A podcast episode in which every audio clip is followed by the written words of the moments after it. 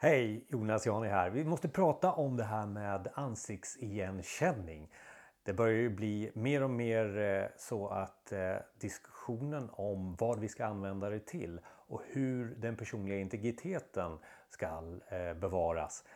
Och när man tittar lite på de här tjänsterna som finns runt ansiktsigenkänning eller bildigenkänning är det ju, så är det ju så att jag kanske inte har fått en så grundläggande genomgång som jag har fått under den senaste tiden på hur det ser ut eh, out of the box. Alltså vad får jag ifrån de här digitala tjänsterna som finns i till exempel Azure-molnet från Microsoft? Vilka fält levererar den tillbaka? Eh, och det jag kommer räkna upp nu det var en bild på 0,5 sekunder. Jag stod alltså framför en kamera i 0,5 sekunder och den konstaterade väldigt, väldigt mycket på en väldigt snabb tid. Det som många eh, kanske redan känner till det är ålder och kön. Det listar den ut ganska så bra. Eh, man och 47, ja det var väl eh, ganska spot on. Men ska man titta lite närmare på de här fälten i bakgrunden, ja då ser man till exempel att eh, skägg är en, bara en hel kategori där man får veta till exempel längden. Eh, I mitt fall 0,4 och det stämmer för att jag brukar ungefär eh, raka med 0,3 så antingen är det bildigenkänningen eller så är det jag som har misslyckats med den här gången när jag tog bilden.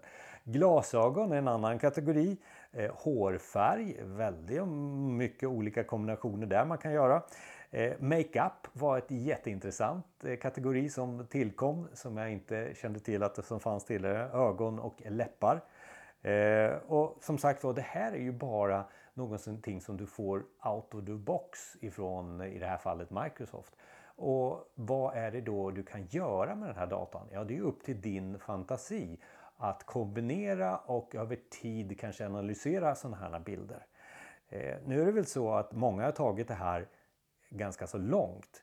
I Kina, jag tror jag har nämnt det några gånger tidigare i poddsammanhang, att eh, där har man ju övervakning av eh, medborgarna med eh, bildigenkänning, kanske lite för mycket. Eh, man har ju till exempel eh, övergångsställen, vissa övergångsställen där eh, man har kameraanalys. Om du går mot röd gubbe, ja då tar man det, tar reda på vem du är, det går ju ganska snabbt. Och eftersom det bara finns två betalningssystem i Kina så kan man också skapa en process som direkt skickar böter till dig. Och det görs ju på, ja, om det är 0,5 sekunder eh, direkt till din mobiltelefon och när du passerar det här övergångsstället och då är det bara att betala. Och inte nog med det som en rolig detalj där, det är att du också kommer upp som wall of shame på andra sidan eh, gatan. Så att det här är väl någonting som eh, man bara egentligen ska försöka att anpassa sig till. Eh, och är det så, och det är det jag vill eh, framöver, hålla den här diskussionen uppe. Vem kan vi hjälpa det här med? Kan vi hjälpa vård och, omsorg och skola med det här? Kan vi ha en kameraövervakning i klassrummen och då på så sätt hjälpa till med eh, specialundervisningen? Att under en längre tid analysera Kalle Pelle Eh, Eh, att ni behöver eh, mer hjälp till exempel genom att man med de här fälten som jag nyss har eh, räknat upp eller på annat sätt kunna analysera att här behöver vi göra en insats och vi behöver göra det med de här personerna.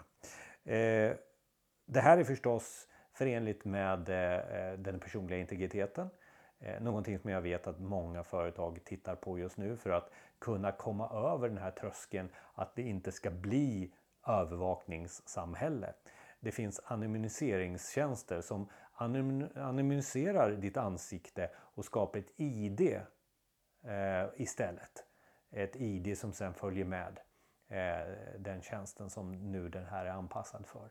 Kommer det hålla juridiskt? Ja, eh, juristerna är positiva.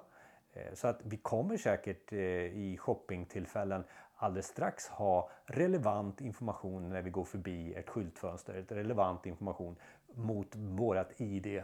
Vad jag är intresserad av, vart jag är på väg eller vad det nu är för någonting som kommer visas där. Det blir lite av den här filmen, science fiction-filmen Minority Report som kom med Tom Cruise för flera, flera år sedan. Så att det här är ju bara en liten, liten del utav möjligheterna och insikten som jag har fått den senaste tiden det är just vad man får väldigt mycket ut av det, de tjänsterna som finns egentligen gratis på nätet. Du skickar upp en bild och får tillbaka det här eh, datan som jag nyss sa. Det gäller bara att kombinera det, att göra kloka val och att komma fram till nyttan. Vad ska vi använda det här till?